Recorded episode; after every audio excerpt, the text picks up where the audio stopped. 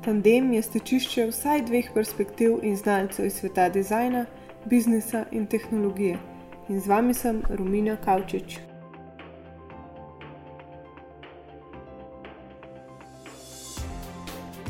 Kam nas pelje hiter tempo življenja in izzivi današnjega časa? Ko smo mirni in v stiku sami s sabo, se lahko povežemo z ljudmi, okolico.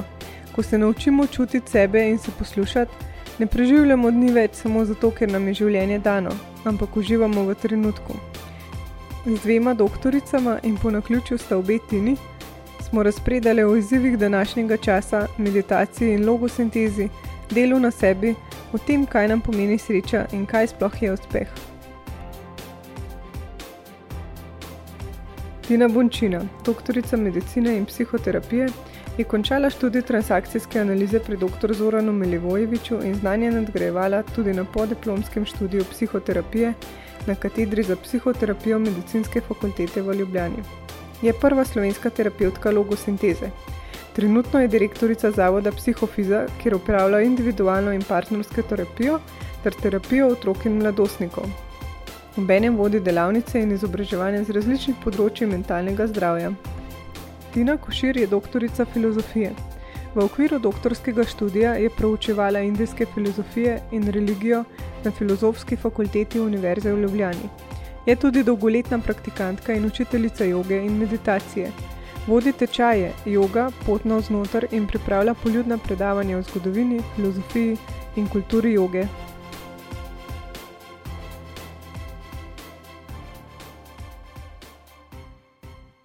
Um, pozdravljeni v tej um, epizodi podcasta. Um, mene zelo veseli, da ste se obe dve odzvali po vabilu, ker vem, da imate ful znanja in se zelo veselim te epizode. Za začetek um, bi rada zvedla kaj več o vajnem delu, oziroma s čim se ukvarjate največ zadnje čase, pa lahko ti začneš, Tina. Mhm, ja, živijo. Uh, hvala tudi tebi za vabilo. Uh, z veseljem sem se odzvala. Kaj naj povem o svojem delu? Mm, večinoma delam kot psihoterapeutka, zraven pa delam tudi kot predavateljica ali pa vodja delavnic. Predavam večinoma na temo izgorelosti ali pa najpogostejših psihičnih težav, delavnice pa večinoma vodim o logosintezi. Uh, to je ena nova metoda, o tem bomo mogoče več kasneje spregovorili. Psihoterapijo pa trenutno izvajam samo individualno, In um, tudi tukaj uporabljam logosintezo, pa seveda transakcijsko analizo, vso medicinsko znanje, psihodinamsko znanje, skratka vse, kar znam. Um, moram pa povedati, da, za, da vse to uravnotežim, pa potem še veliko vrtnaram zraven. Rože zmer pomagajo. um, jaz pa pravzaprav zdaj trenutno največ učim jogo in meditacijo tudi predavam o, za razne učiteljske tečaje joge in tudi um, poljudna predavanja na temo uh, zgodovine joge, indijskih filozofij. Uh, sicer sem nedavno doktorirala iz indijske filozofije, uh, drugače pa še vedno tudi uh, rada in veliko berem, tako kot že vse življenje. Tako da tudi delam še kar nekaj uh, moderiran raznih kulturnih dogodkov, literarnih večerov. In tako naprej, tako da kar pestro življenje.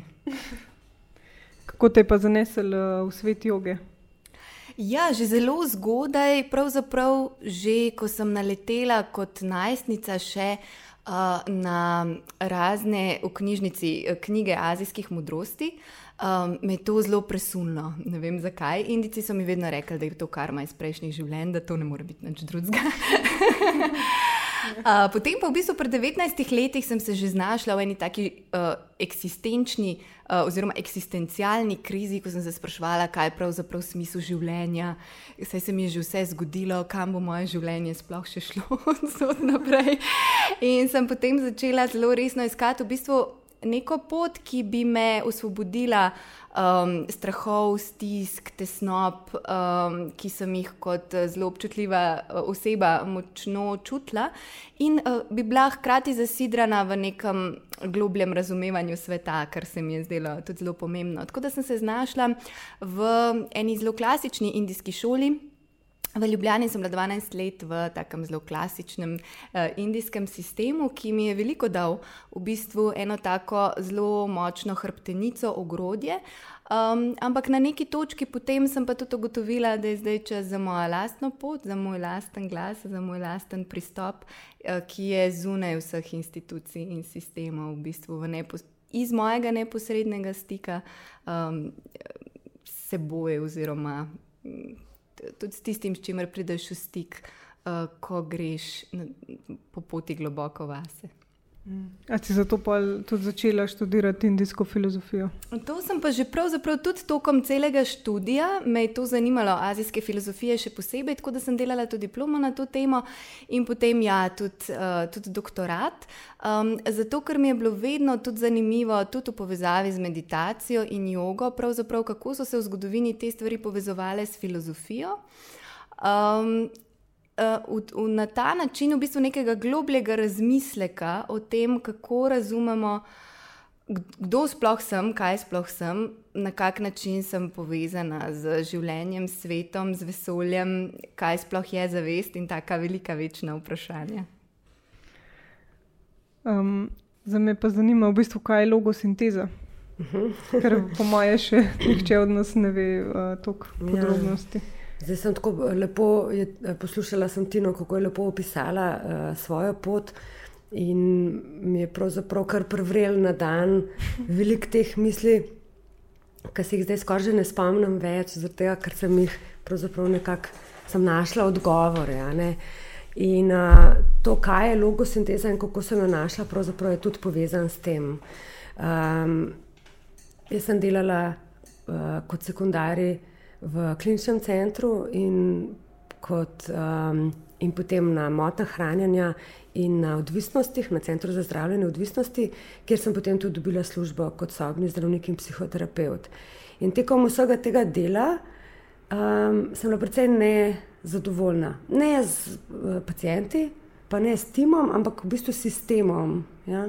Nekako nisem našla tega, da bi medicina uh, kot sem jo jaz poznala, zares ponudila zdravljenje, bolj neko obvladovanje simptomov. In ker sem po naravi večkrat bolj temeljite in storilnostno naravnane usmeritve, me je to motil. In sem iskala, kaj pravzaprav se dogaja v psihi in iz kje vse to izvira. Kmalu sem videla, da me ta mentalni del bolj zanima. In ko sem začela raziskovati te zadeve, sem šla tudi na hipnozo in sem tam videla, da pravzaprav veliko, veliko stvari je zasidrano v slikah ali pa v zvokih ali pa v teh nekih multimedijskih doživetjih naše notranjosti. Potem pa tekom uh, krožanja z, na psihiatriji.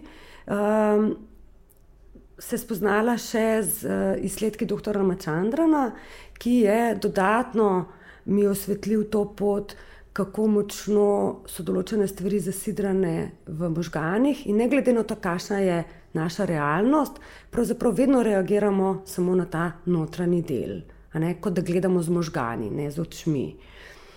No, potem sem ratala. Um, Mečkam bolj še nesrečna v sistemu in nisem mogla več zanikati tega, da en del mene tukaj pravzaprav ni izražen, da trpi.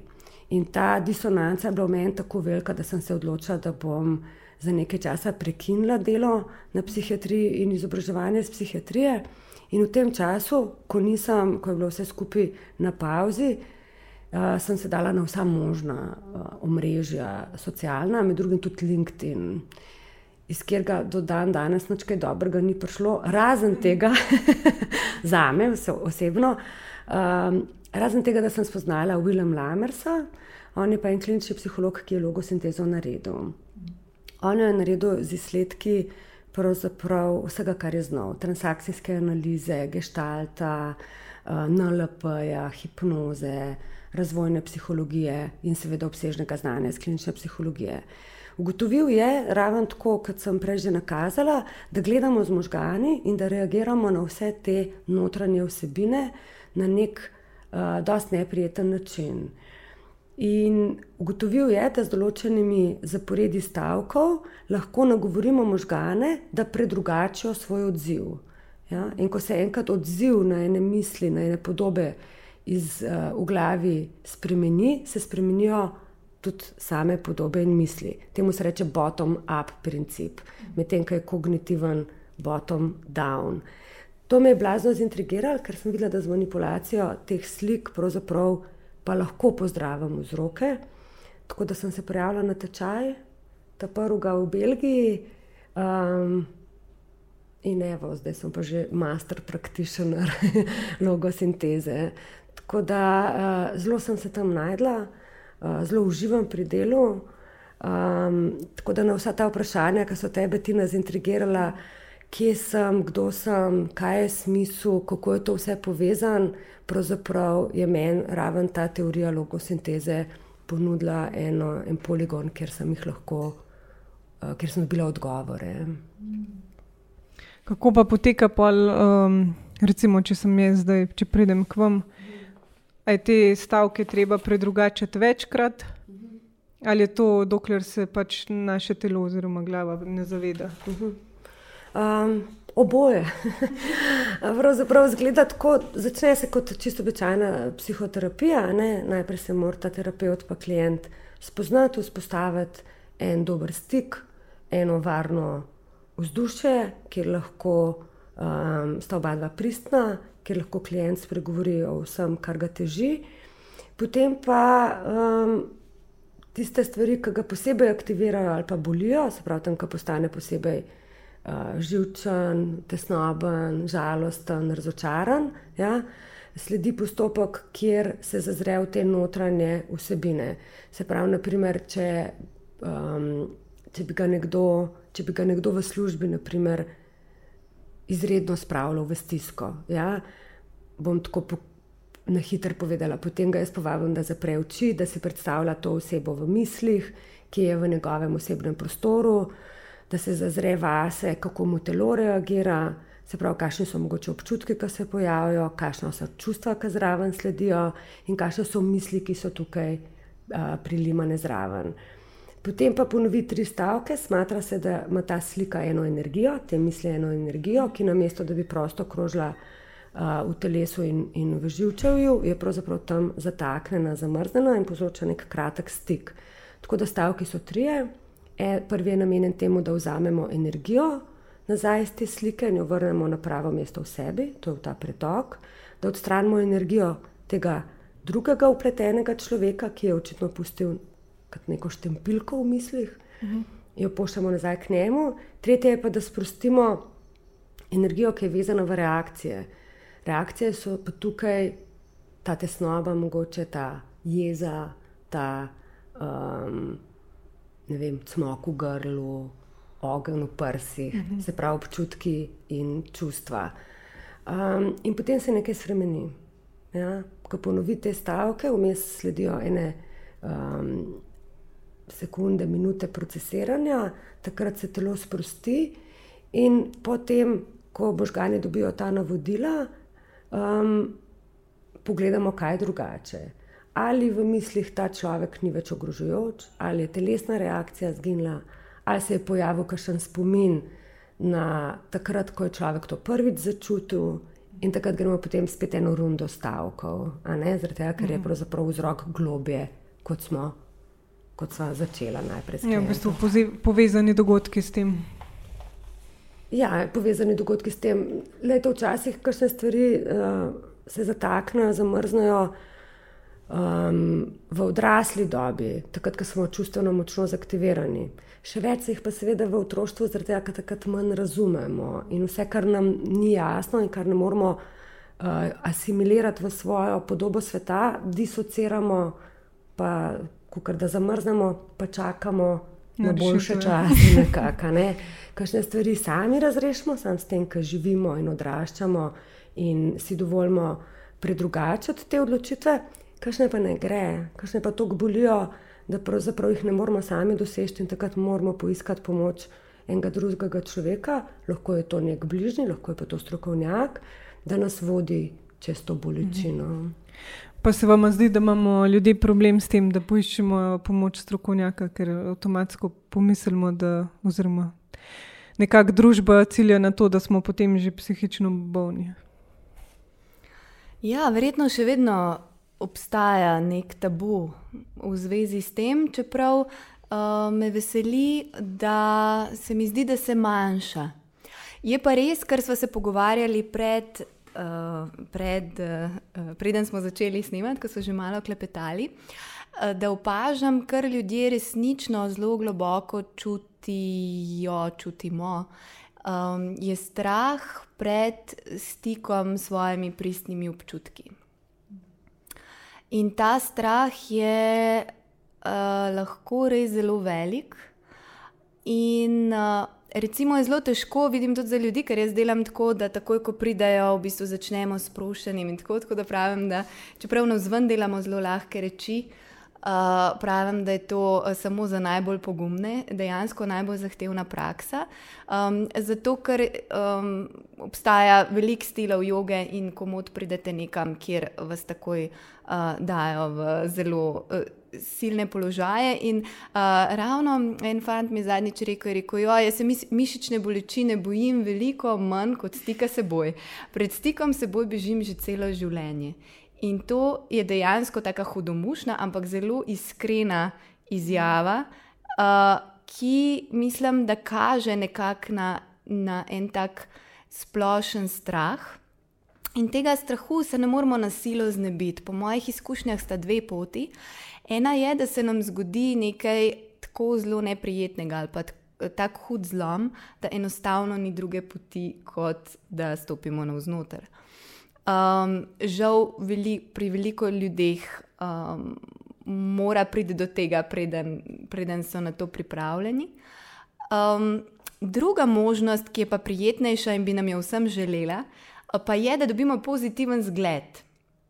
Se pravi, da mogoče m, smo soočeni z neko vsebino ali pa mogoče s kakšnim človekom, uh, ki, v katerem lahko zagledamo, um, tako kot recimo v Tini, ki je razčistila s svojimi stiskami, ne, v katerem lahko zagledamo, kaj pomeni zrel človek, kaj pomeni človek, ki je osvobojen. Uh, m, uh, teh nevroz, ne, uh, teh prisilnih vedenj, teh reaktivnosti, ki jih mi sicer nosimo sabo, in, in rečemo, da oh, to je to. In potem um, na mogoče prisotnost enega takega človeka, osebe, tudi če ga ne poznamo osebno, če recimo nekdo, ki, za katerega vemo, da smo knjige brali ali kaj takega, že samo zavest, da je to možno, nam da tisti pogum, da gremo skozi to turbulenco, ki na začetku je, to turbulenco stika seboj. Ne? Ko se začnemo, v bistvu jaz pravim, da m, tudi ko, gre, ko recimo začnemo meditirati, um, en zelo kratek čas je lahko prijetno, sam pa res ne smemo meditirati več kot pet minut, ne? zato so te aplikacije tako narejene. Ker približen tok časa, ne, približen tok časa se samo pomirimo. Čim gremo čez to, ne, začne telo boleti in pridemo v stik s tem, kar je dejansko v nas in to, kar je pa dejansko v nas, pa je spravljeno tako, kot bi se z avionom dvigali skozi oblake, zdaj odvisno, kako je trenutno vreme, včasih kak dan se lahko kar dvignemo v, v, v jasno nebo, kak dan je pa res, gremo skozi one oblake in je turbulenca. Ampak zato, nad to turbulenco je pa jasnina in je sonce. In je fino, če poznamo nekoga, ki nam utoleša recimo to gotovost in nas lahko pokliče k temu soncu, reče, splezi še mečkan višji, tukaj je pa sonce tako da se mi zdi zelo odgovorno tudi od medijev, ne, da se govori o teh vsebinah in da bi dobili prostor ljudje, ki lahko dajo to pozitivno sporočilo. Vredno je. Ne, vredno je iti skozi. Um, Te neprijetne, uh, neprijetne, močvirne notranje pokrajine, zato ker tam je res zaklad, ki ga je vredno najti ki je vredno odkriti. Ja. Mhm. Mogoče bi jaz, um, če smem dodati, ja, ja. no, um, jaz zdaj delam psihoterapijo že kar več kot desetletje, bo kar že 15 let, in struktura mojih klientov se je spremenila. Ljudje pridejo hitreje po pomoč. Še posebej tako. Pred zlomi. Ja, pred zlomi, pa tudi mlajši. Tako mogoče na začetku, zdaj jaz sicer nisem blazen reprezentančen vzorca, ne? ker sem samo ena uh, pa lahko samo svojo izkušnjo povem. Ampak včasih so ljudje prihajali, ker je bilo že zelo, zelo slabo. Zdaj pa pridejo, predvsem mlajši, tako, recimo tudi od 20 do 30, takoj, ko začutijo, da se vrtijo v krogu. In jaz to blazem pozdravljam. To se mi zdi tako en velik napredek, da se prepozna, da je koristno sedeti z enim pogovoriti. Um, Medtem, ko starejši, mogoče še zmeri pridejo kasneje, pa bolj so pa motivirani, da res razčistijo z vsem, bom tako rekla, se sproti odpirajo nove teme, mogoče bolj temeljito pristopijo. Um, razlika pa je, da so se tudi že začeli pogovarjati med sabo, včasih se ni smel priznati, da hodiš v psihoterapijo.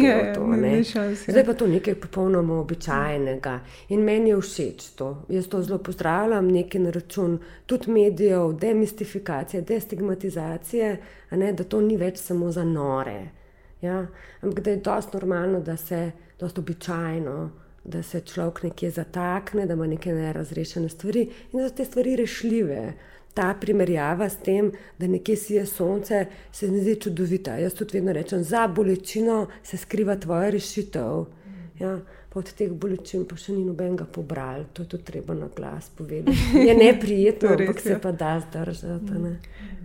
Pa se vam zdi, da so izzivi drugačni, kot so bili vem, desetletje, dvajsetletje nazaj, pa da so rešitve še vedno enake, a da so tudi rešitve drugačne in se moramo v bistvu čisto na nek nov način tudi soočati in se vsi učimo? Um, jaz za 10-20 let nazaj v bistvu um, uh, Težko rečem, se mi zdi, da sem bila jaz tako drugačna, da sem čist drugače videla svet, kot je Tina rekla. Ne? Tako da skozi čist druga očala, tako da se mi je svet takrat zdel, seveda, popolnoma drugačen kot je zdaj. Ampak iz, uh, recimo, lahko pa rečemo nekam, ši, uh, uh, kar bi bilo mogoče zanimivo, v nekem daljšem časovnem obdobju in tudi uh, primerjalno v različnih kulturah, ne iz proučevanja uh, pač teh indijskih tehnik, uh, azijskih tehnik, tudi kot sem jih proučevala. Uh, lahko rečem, da ne glede na kulturo in ne glede na čas, in ne glede na prostor, so nekatere reči, ki so skoraj brezčasne, skoraj večnostne. Uh, ampak vseeno pa živimo v svojem času in v svojem kulturi in v svojem okolju, ki, vse, ki nas vsa tudi zelo zaznamujejo. Tako da je oboje res. Ne? Po eni strani. Um, Je človeštvo, že saj, odkamor lahko sledimo s pisnimi veri, uh, se ukvarja z eh, sorodnimi vprašanji, po drugi strani pa seveda posebej zdaj se je čas zelo spremenil z sodobno tehnologijo, s popolnoma drugačnim načinom življenja, kot so ga imeli ljudje v preteklosti. In um, to seveda zahteva gotovo tudi eh, drugačne pristope. Jaz opazujem morda še ene bolj reka, socialne ali pa antropološke neke vidike tega.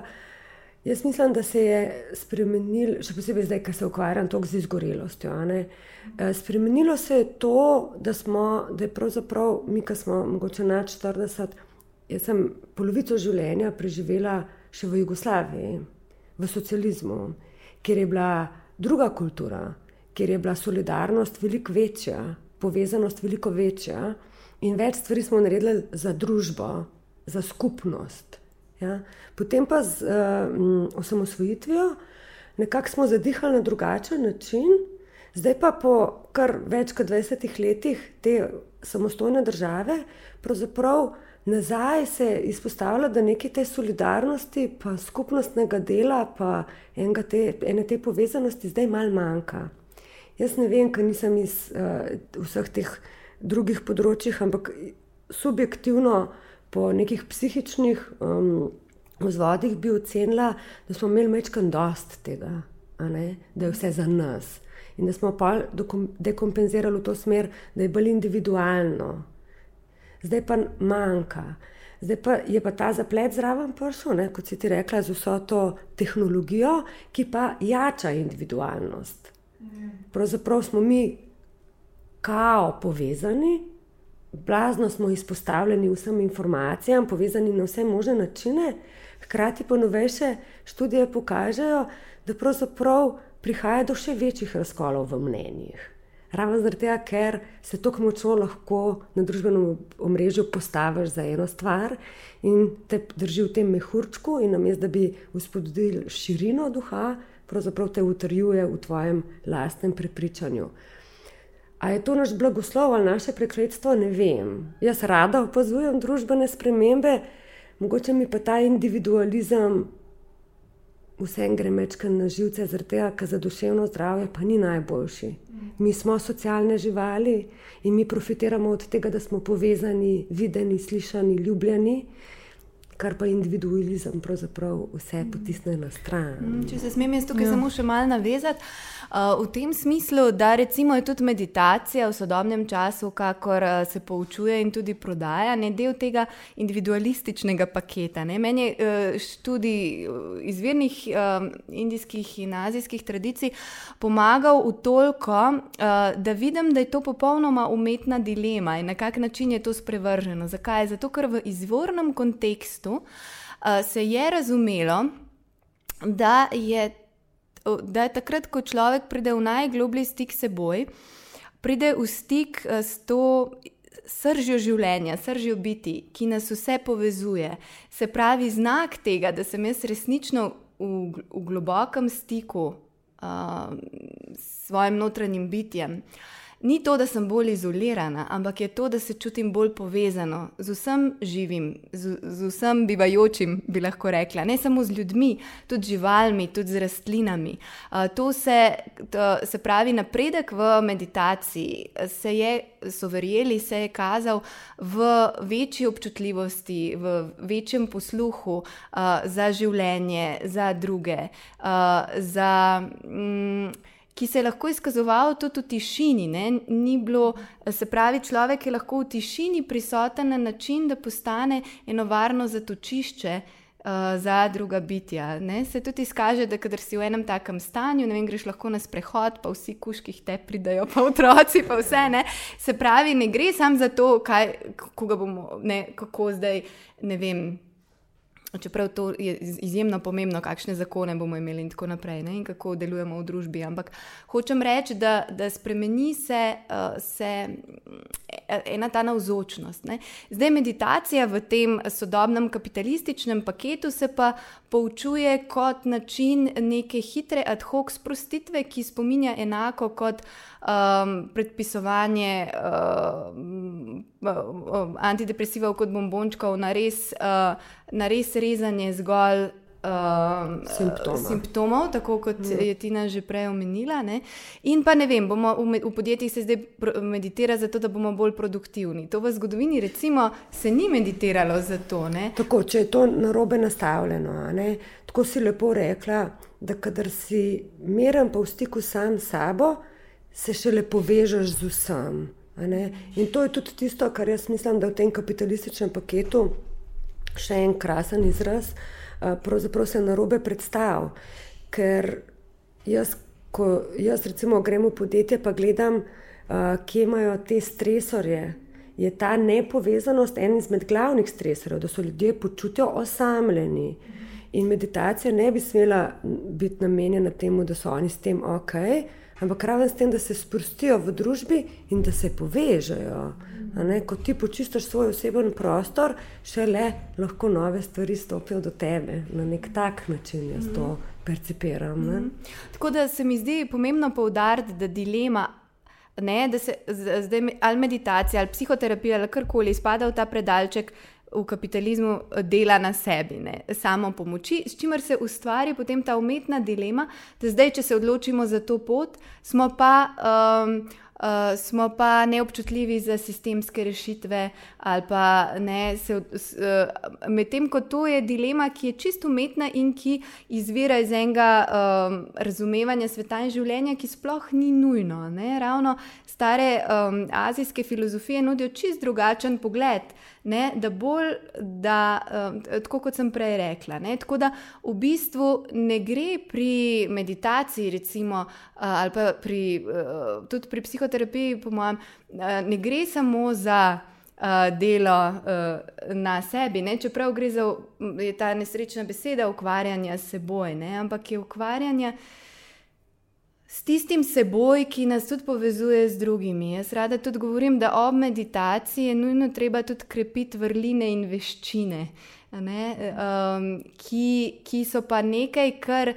Um, Ni samo neka osebnostna rast za to, da bo samo meni dobro, ampak od mojih vrlin in od mojih veščin uh, imam jaz nekaj in ima svet nekaj. Ne? Uh, in, in, in je to, to ni v nasprotju, to gre z roko v roki. Hm? To se ja. mi zdi zelo pomembno povdariti. Ja, se je, zelo je pomembno povdariti. Se strinjam. Ja. Pa v bistvu ena od vrlin, oziroma veščin, bi mogla, mislim, je zelo pomemben, se mi zdi tudi komunikacija.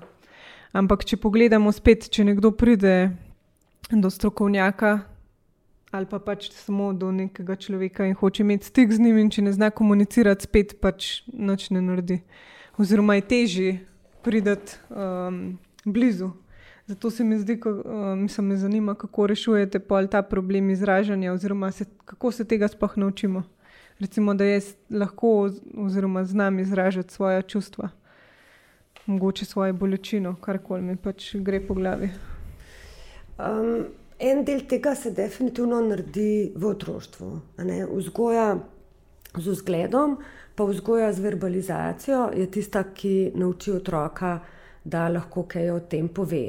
Se pravi, starševska vloga je vedno kot vodilo. Tisto, kar otrok ne razume, starš postavi v en odrasli okvir in ga tako uči več o svetu, več o tem, kako se obnaša, kako ne, kaj se mu dogaja. Um, verbalizira tisto, kar otrok še ne zna povedati. Neizbežno je otrok omejen starševim pogledom, starševskim pogledom na svet, se pravi, vedno to je tisto, kar dobimo v, v paketu. Tako, ja, v paketu ja. um, in s tem tudi tukaj pridejo omejitve. Če je v eni družini mogoče žalost prepovedana, zaradi tega, ker pač fanti ne jokajo, ali pa to bo je treba zobe stisniti, pa gremo naprej, je pa dovolj, da se razburaš. Potem bo tak človek večino življenja, vsakeč, ko bo žalosten, ker ga je nekaj razočaralo, prizadelo, je nekaj izgubil, bil hud na cel svet. Ali pa na ta najbližjega, ki je pri roki. In taki ljudje, ki pridejo v terapijo, ne znajo pravzaprav skomunicirati žalosti.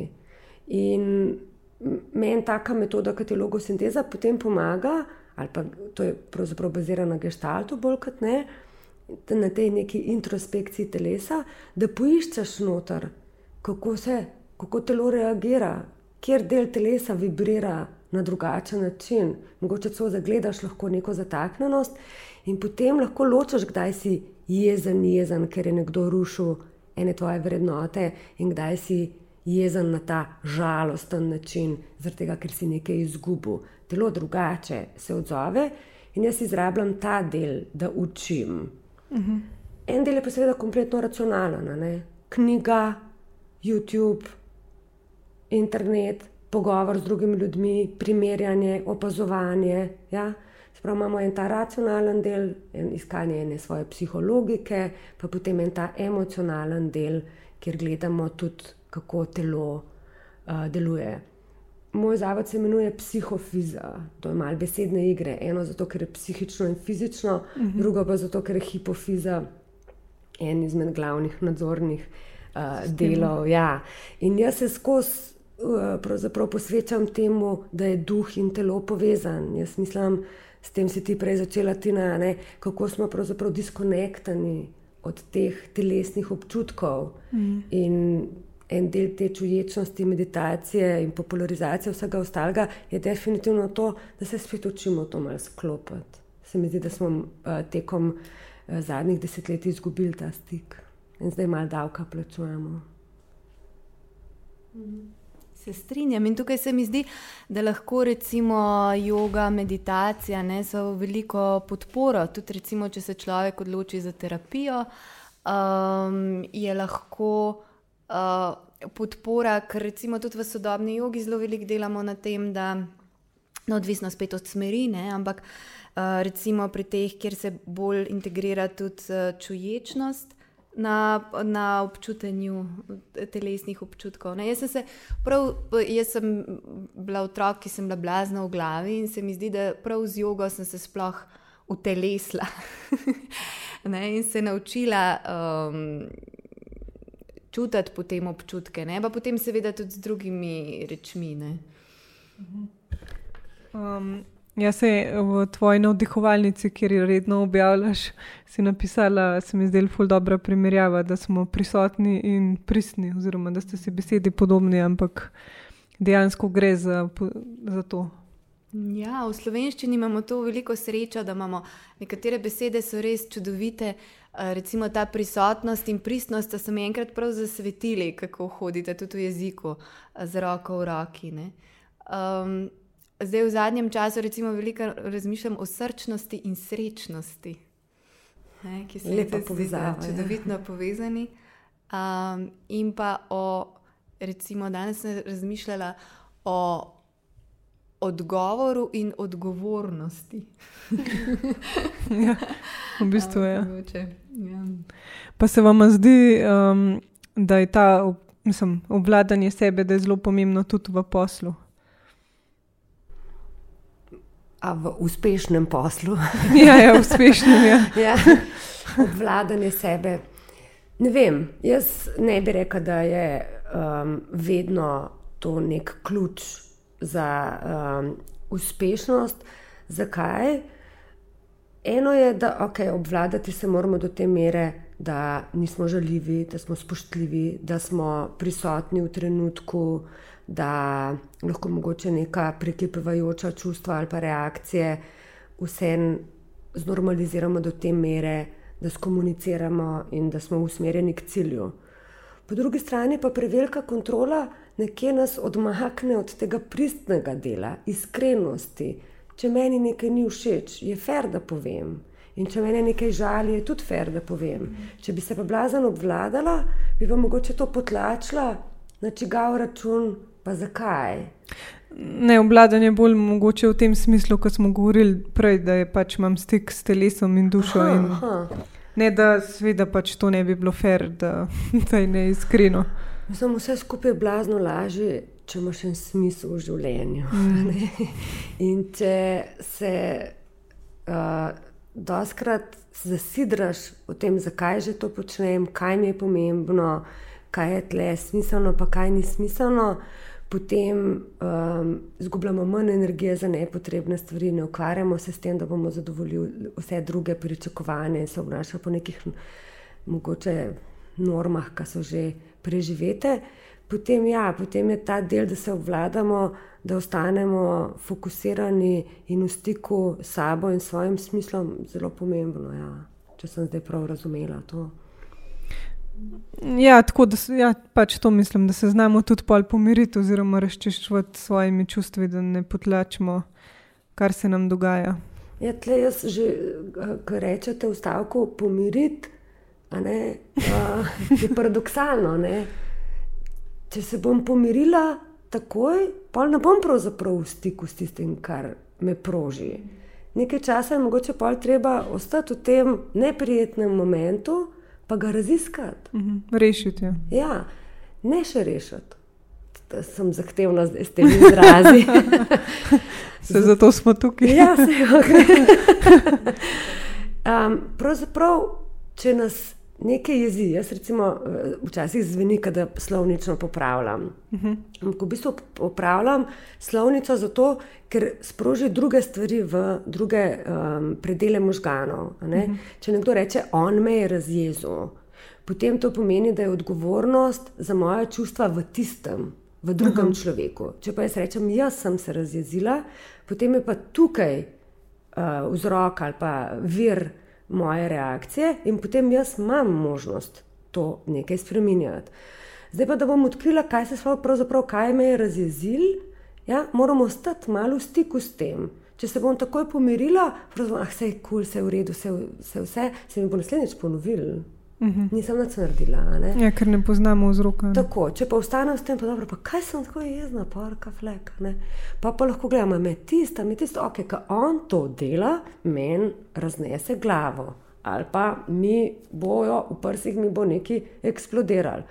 Pa pa lahko raziščem, kaj pa bo, zakaj pa jaz tako močno reagiram. Vse unije samo ne vem. pusto drobtine na pultu, da rečem. in pa lahko pridem preko te močne reakcije, ja, če ostanem z njo. To, da me moti, da me moti, da dogovor ni bil izpolnjen, da me moti, da smo večkrat se dogovorili, mogoče, da bo pult čist in da ne spoštuje. In ker ne spoštuje, se čutim, da ne spoštuje mene. In če ne spoštuje mene, se ne počutim ok, varna v tej vezi. To je pa, pa že mečkam bolj pomembna mhm. vsebina, ki jo pa lahko v enem dialogu, kontaktu tudi razrešim. Če bi takoj šla miriti, pa rešiti, ne vem, če bi do tega prišla.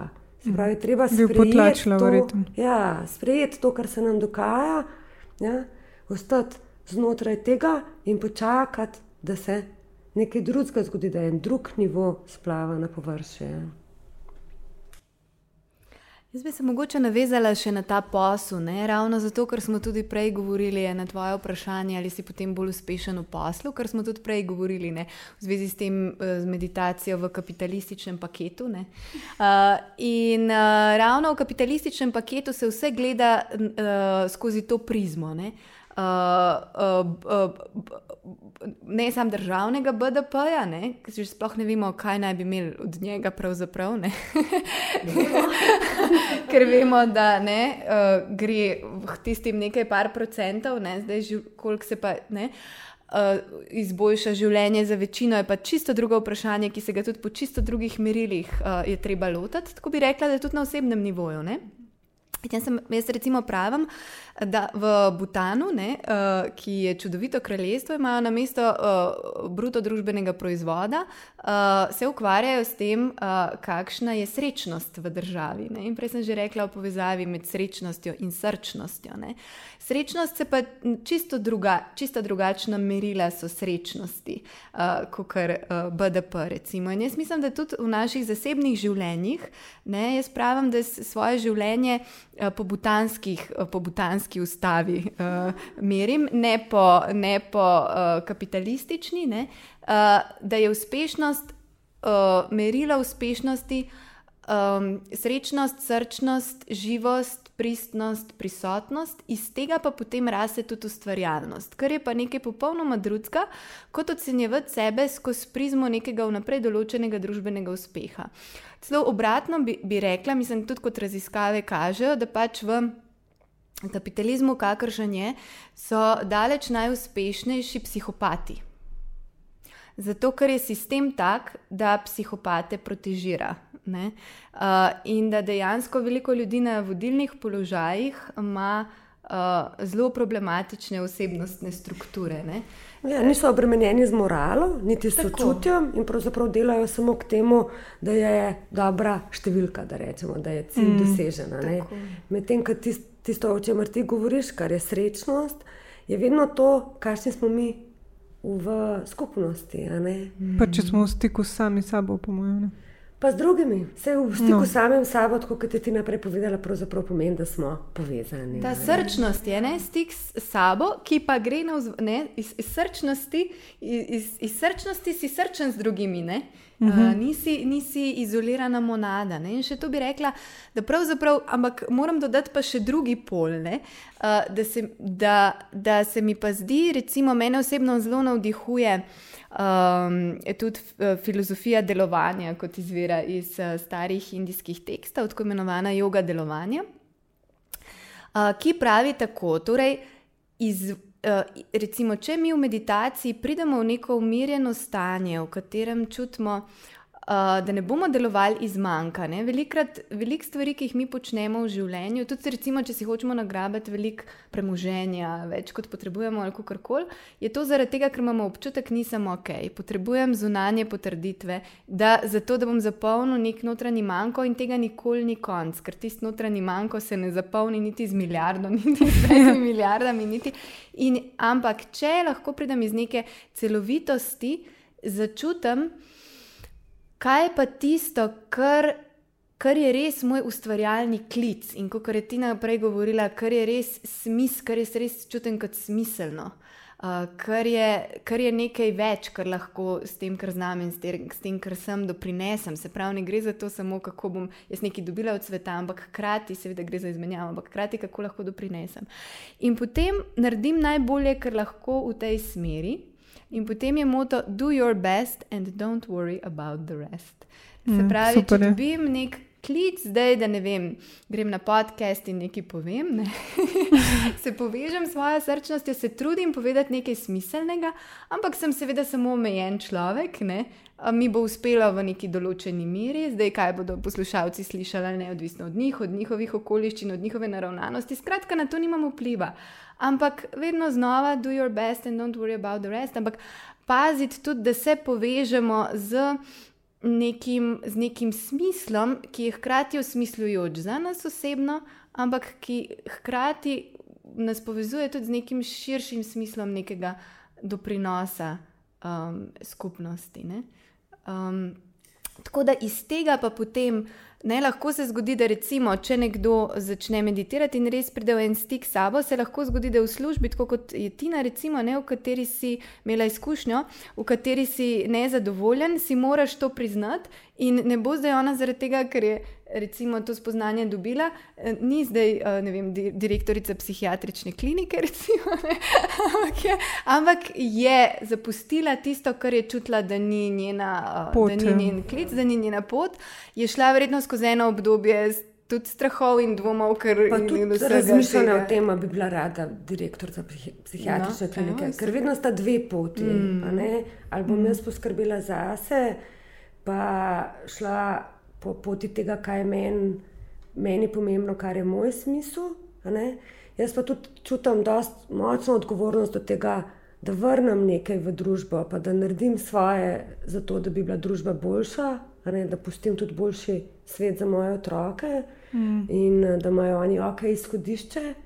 Um, in je bila to tudi druga pot, ali ostanem znotraj sistema, pa ga skušam enkrat, ko sem na poziciji izboljšati, nekdo mora tudi to početi. Ali izstopam iz sistema, pa grem po eni poti, pa drugače vrnem v družbo. Jaz sem se ocenila, da za me v tistem trenutku je bilo to, da izstopam boljše in sem zadovoljna s svojo odločitvijo. Ampak vedno se je treba vprašati, ne, ne samo kdo sem jaz, ampak tudi kdo sem jaz v sistemu. Mi više, eh, večinoma živimo znotraj enih sistemov, ali družinskega, šolskega, do, družbe, kulture, svetovne družbe. Ja? In kdo sem jaz znotraj tega, kaj jaz doprinesem, kako name vpliva to novo polje, oziroma eno polje enega sistema in kako jaz ja, vplivam na njega, se pravi, nekaj, kaj je akcija, reakcija. Tako da vedno je treba gledati kot. Sistem, mislim, sistemsko, znotraj sistema, skupinsko, tako ne samo kot sam za sebe. No. Nihče ni monada, ne? to je ja. absolutno. Da, mislim, nihče ni izoliran. No, ja, točno to. Ne? Nihče ni izoliran otok. Ne? In recimo ja. azijske filozofije vse govorijo o tem. Ne? V bistvu um, uh, govorijo o, o mreži. Kot, uh, če si predstavljate eno pajčevino, na kateri so kapljice, ne, uh mhm. -huh. na nizene, tako lepo žarijo, ne, in tisto, tisto v nas zažari, ampak v njej se zrcalijo vse ostale kapljice in vse so nanizane na isto pajčevino. In v bistvu pri, pri tej prispodobi življenje je mreža, vsak organizem je mreža, naše telo je mreža, uh, metri zdaj tukaj tvorimo eno mrežo, družba je ena širša mreža, svet je ekosistem, je mreža. Ne? In mislim, da danes. Da, da res se bo moralo ukrepiti to sistemsko um, zavedanje, že če bomo hoteli preživeti ne, na tem našem čudovitem planetu, ki, na katerem. Ki bomo morali malo bolj povezati, to je definitivno. Ja, um, tako da. Um, Ja. Ampak mreža je pa toliko močna, kot je njen najšipkejši člen močen. Ne, ne uh -huh. toliko, kot je. Kot recimo, uh, če imamo tu hierarhični, piramidalni sistem, nekdo zdaj preko trupel uh, priplezel najviše, uh, Uh, in, in potem tam kaj srečno ždi, ima svoj grad na, na, na vseh okostnjakih, ki jih je pustil pod seboj. Um, ampak koliko, ne, v, v mreži je pa pomembno, drug, kako lahko drug drugega krepimo. Ne? In tukaj bi bilo bistveno naravnati, uh, um, bistveno naravnanost iz tekmovalne, družbeno naravnanost. In to bi bilo treba že z vzgojo začeti spremenjati in s sistemom šolskim in z vsem. Po mojem, spremeniti iz tekmovalne v sodelovalno, kjer ni. Veš, in v vrtu ja. je, ne? Mm, v vrtu se mi zdi, da je. Ja, Slovenija je kar veliko naredila na tem, da je v vrtu bolje mm. in, in so bolj povezani. Uh, delujejo kot ekipa, sprejemajo drugačne, otroke imajo to kompletno naravno. Tudi, ne? Oni ne gledajo barve, mm. pa oblike, oni gledajo, kako se čutijo. Pa pa šola, jaz sem grozen, se mi zdi, da jih dajemo s petim, ali mislim pred šestim letom v šolo, da smo jim vzeli en leto otroštva in niso zreli. Tam mora pa sedeti na nadoma. In vse tisto, kar si prej spodbujal, da sodeluje, da je povezan, da razmišlja kreativno, svobodno, se potem tam nekako začne ukalupljati, več jih je skupaj, teže so obvladljivi in tako naprej. Tako da, ja, absolutno se strinjam tukaj, tam je treba tam je kar en velik prostor za napredek, da jim tako rečemo. No. se da kar kaj narediti. Ja, pa se mi zdi, da se tudi zelo spodbuja tekmovalnost v šolah. Mm. Pa kaj se jim, jaz uh, mogoče. Um, Jaz ne bi rekel, da je tako grozen, grozen. Ja. Vse je spodbuja, zato, ker so pač številke pridejo, številke nujno prinesejo za sabo lestvico ja. in rangiranje. Um, po drugi strani pa tekmovalnost je lahko tudi nekaj, kar spodbuja, ne? ker, ker se tudi ti postaviš, pa tudi lahko nekaj oceniš, kje si dober, kje nisi. Samo če jo začnemo uporabljati na način, okay, jaz sem ful boljši kot ti, zato ker sem tam ne vem kaj dosegel, to je nezdrava tekmovalnost. Ne? Mm -hmm. Una pa kao, wow, ti si pa tle dosegel to kvalika, si vedel, da ti to gre, wow, kako dobro, je, bravo. Ta je pa čisto ok, ne? ta je pa nek sočutna, pristna, povezovalna. Tako da ne vem, če lahko karkoli od tle res gledamo črno-belo, ker ima vsaka taka stvar dve plati. Mm. Vsaj. ja, že vsaka šola ima, po moje, svoje specifike. Ne? No, to pa absolutno. Ja, je pa to točko lovstvo, kar jaz temu pravim, se, se mi zdi gotovo problematično, ne? kar se kaže tudi na psihičnem zdravju otrok, kot jaz vem, ne?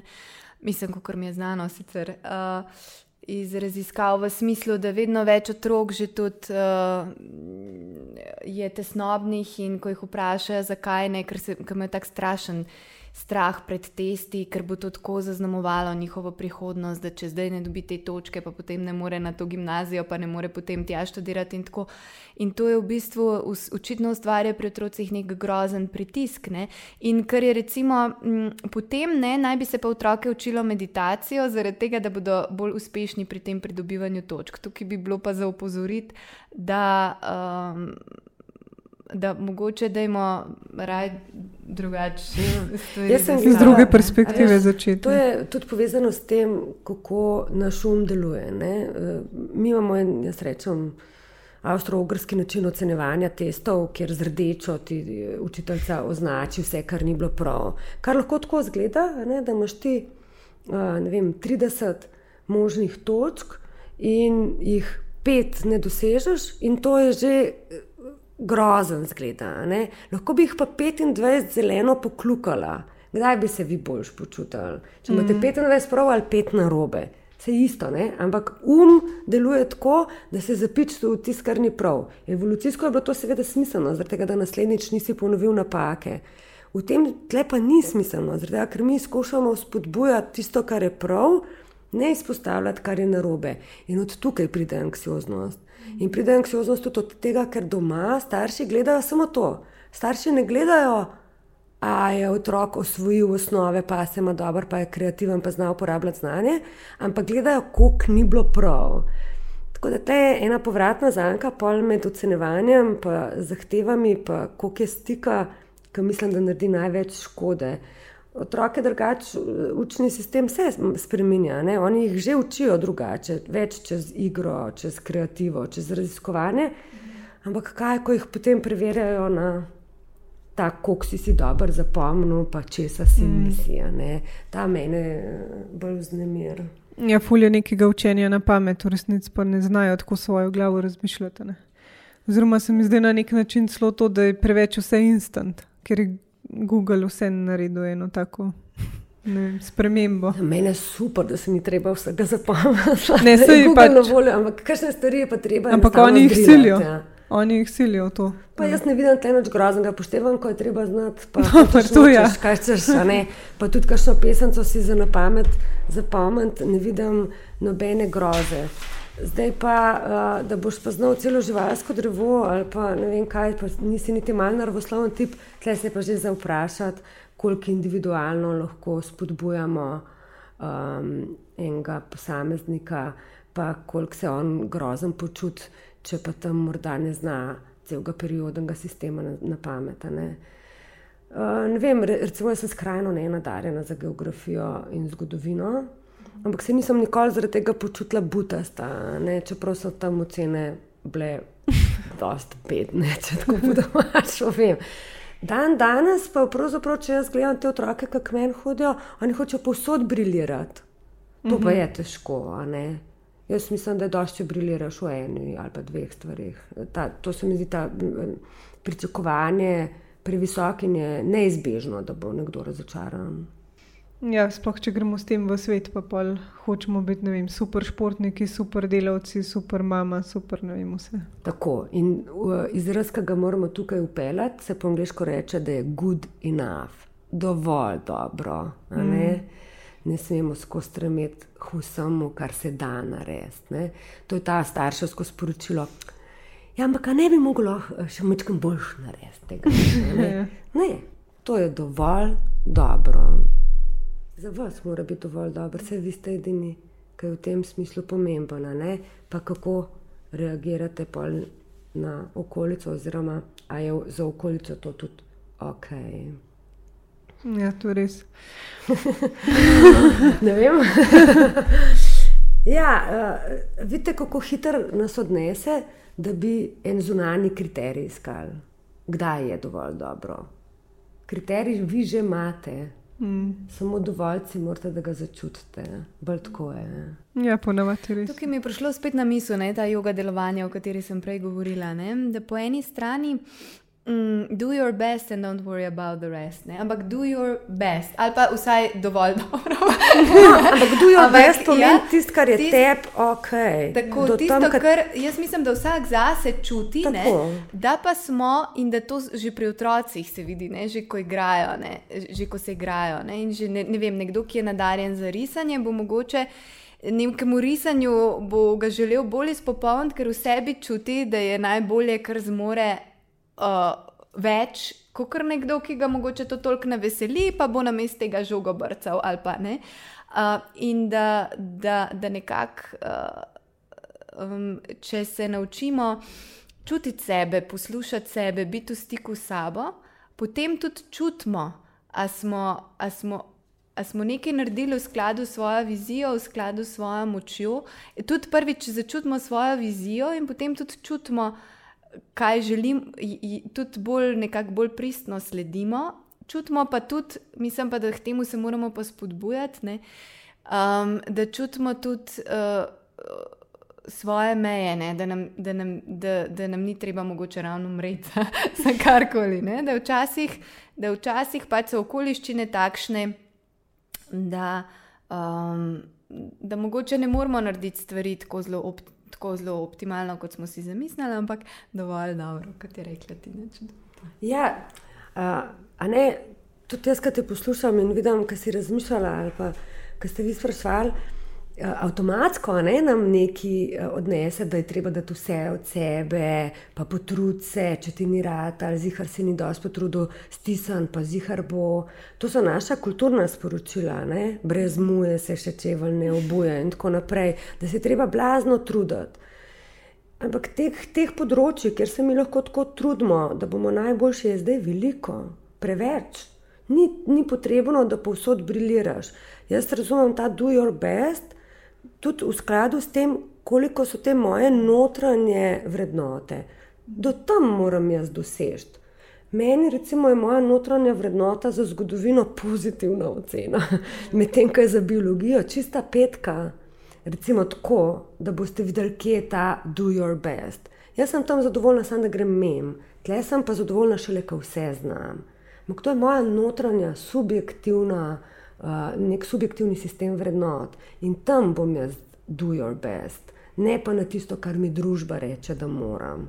To je ta ja. pristnost, pol, um, pa iskrenost do lastnih vrednot. To je samo spoštovanje za moje pojme.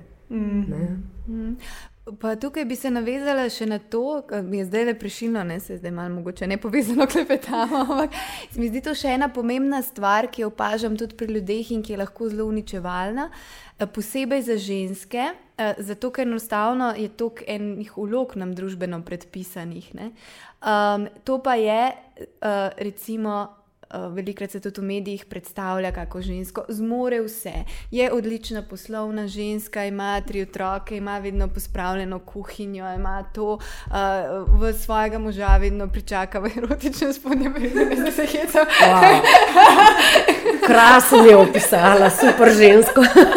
ne, ful dobro, da si to izpostavila, to je ekstremno, res pomembna tema. V tem času, kako se ženske gonijo za tem, da bi bilo čisto vse. Ampak izvolijo, prosti, dokončajo. Ja, jaz mislim, da to dejansko ni mogoče. Ne?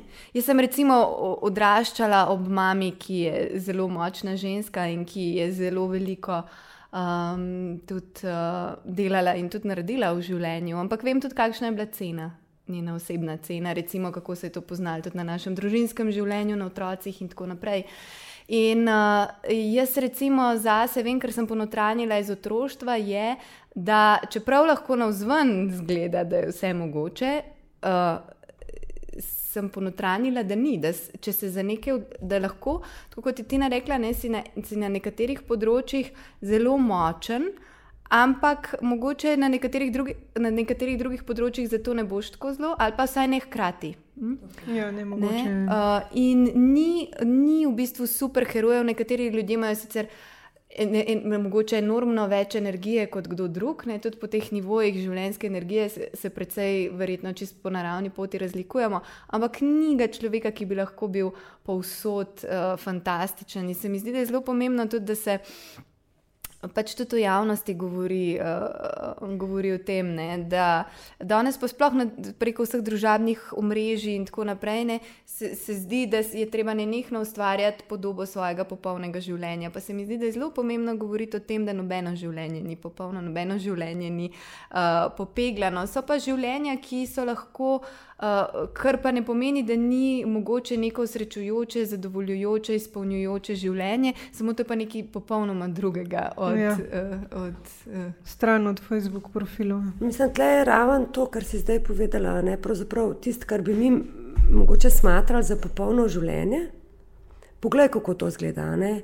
Spontano vstaneš, dobro ješ, z otroki se razumeš, v službi vse laufa, plačajo kaj. Okay, um, s prijatelji se dobivaš, skozi vse ok, kje pa je napredek. Tam, kjer je rutina, pa tam, kjer je vse ok, ni nikoli nič novega. Slej, ki prej um, bi tle prišel do nezadovoljstva, zaradi tega, ker samo rast je una, ki pravzaprav prinaša novo energijo. Rast se pa zgodi samo tam, ker je nezadovoljstvo. Šele ko je nezadovoljstvo, nas rine da naredimo spremembo in spremembo skoraj vedno zrastemo, no? razen če se je zgodil izven naših želja ali pa ciljev. Tako da ta, tist, tista popolnost, mogoče, ki si jo želimo, je pravzaprav dolg čas rutina in stagnacija.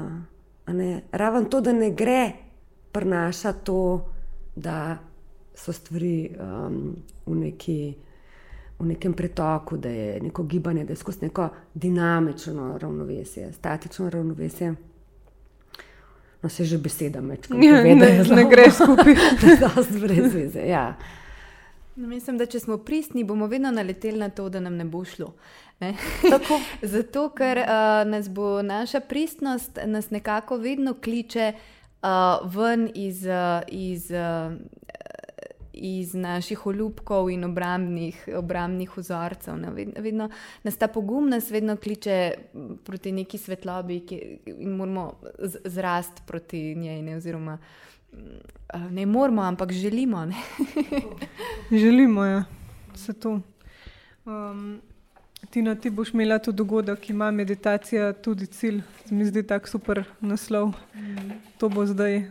Lahko, mislim, lahko malo več poveš o tem dogodku, ki ga boš vodila, moderirala. Tako, to je uh, prihodnji četrtek, 24. Uh, maja ob um, 1930 v Štihovi dvorani Cankarevega doma uh, s štirimi uh, zelo zanimivimi gosti, psihiater in psihoterapeut uh, Boruč Kodlar, uh, potem budistična učiteljica Nuna Lama Karma Vangmo, potem uh, jezuitski pater uh, uh, Ivan Platovnjak in pa uh, raziskovalec, znanstvenik Andrej Detela. Vsi imajo zelo močno uh, meditacijsko prakso in zelo zanimiva tudi življenje za sabo. Govorim bomo in o njihovih osebnih izkustvih, in o tem, kako se meditacija razlikuje, recimo v krščanstvu, kjer, je, kjer na, na kar ne pomislimo, ne, ko govorimo o meditaciji, ampak dejansko beseda meditacija je latinska beseda, meditacija in kontemplacija sta pomembni uh, praksi tudi v,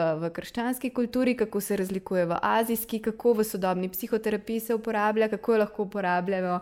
Uh, um, kako jo znanstvenik vidi kot uh, raziskovalno metodo, oziroma metodo, ki ga pripelje v stik s tem, da dobi boljše ideje. Uh, in pa tudi o tem družbenem pomenu meditacije. Skratka, um, jaz se nadejam, da bomo mogoče razbili um, nekaj mitov in še malo globlje osvetlili, uh, kaj vse uh, meditacija lahko je. Mhm. Zdaj me pa. Za konec zanima, kaj bi videli poslušalcem povedali, ali pa pač vajna najljubša misel, nekaj, s čimer bodo zaključili to super epizodo. Uh, zdaj si pa dala najtežje vprašanje celega večera. um, jaz bi morda zaključila s tem, da je mogoče veliko več, kot si pa posameznik misli. In da je iti ven iz cone obdobja ali pa iz svojega referenčnega okvira, svoje podobe sveta veliko bolj fajn, um, kot si mogoče uh, ljudje predstavljajo, da je to nekaj groznega, pa strašljivega, pa da bo čuden. Jaz pa mislim, da se jih tam fajn stvari zgodijo. Tako da ne se bati sprememb, uh, drznite si in bodite dovolj dobri. Hmm. Jaz bi pa mogoče um, predlagala eno večerno prakso, ki jo predlagam tudi uh, ljudem, ki hodijo k meni na jogo meditacijo. To je, da zvečer pogledaš, uh, to par minut, ki si vzameš, se umiriš, zvečer pogledaš dan, si ga odvrtiš nazaj od tega trenutka, recimo do zjutraj, ko si se zbudil. Si, si odvrtiš dan in si pozoren ne samo na stvari, ki so se od zunaj dogajale, ampak tudi na svoje občutke, ki si jih ob tem čutil. In um, je eh, zelo zanimivo, kaj lahko skozi to odkriješ, potem si ga pa še enkrat odvrtiš naprej in podoživiš samo tiste trenutke, ki so ti neki dali, ki so bili darovi dneva, karkoli dobrega si doživel. To je lahko občutek nekega miru, spokojnosti, samo da vidiš, da se žark sonca dotakne tvoje kože, um, občutek. Um, stika z drugim človekom, občutek tega, da smo postali radovedni, da nas je nekaj zanimalo, da smo mogoče.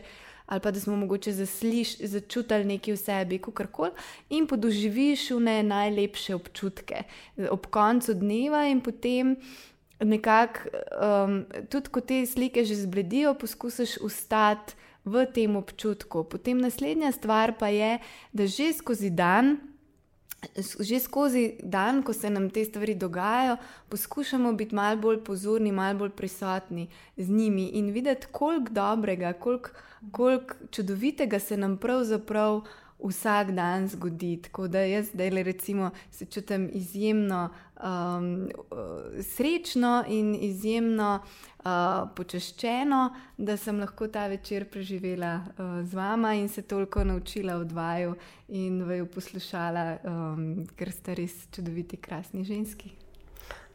Najlepša hvala. Jaz moram tudi priznati, da tako lahkotno se pa že dolgo nisem pogovarjala, zmer, kadar delamo kakšne intervjuje. Sem zelo fokusirana na to, da bo vse dobro vam prišlo. Najbolj zdaj, ko sem sproščena, je prišlo ravno dovolj dobro, se mi zdi. Tako da hvala lepa za vabilo in hvala tebi, Tina, za to prijetno uh, izkušnjo. Res dobro. Ja, iskrena hvala tudi vam. No, okay, super.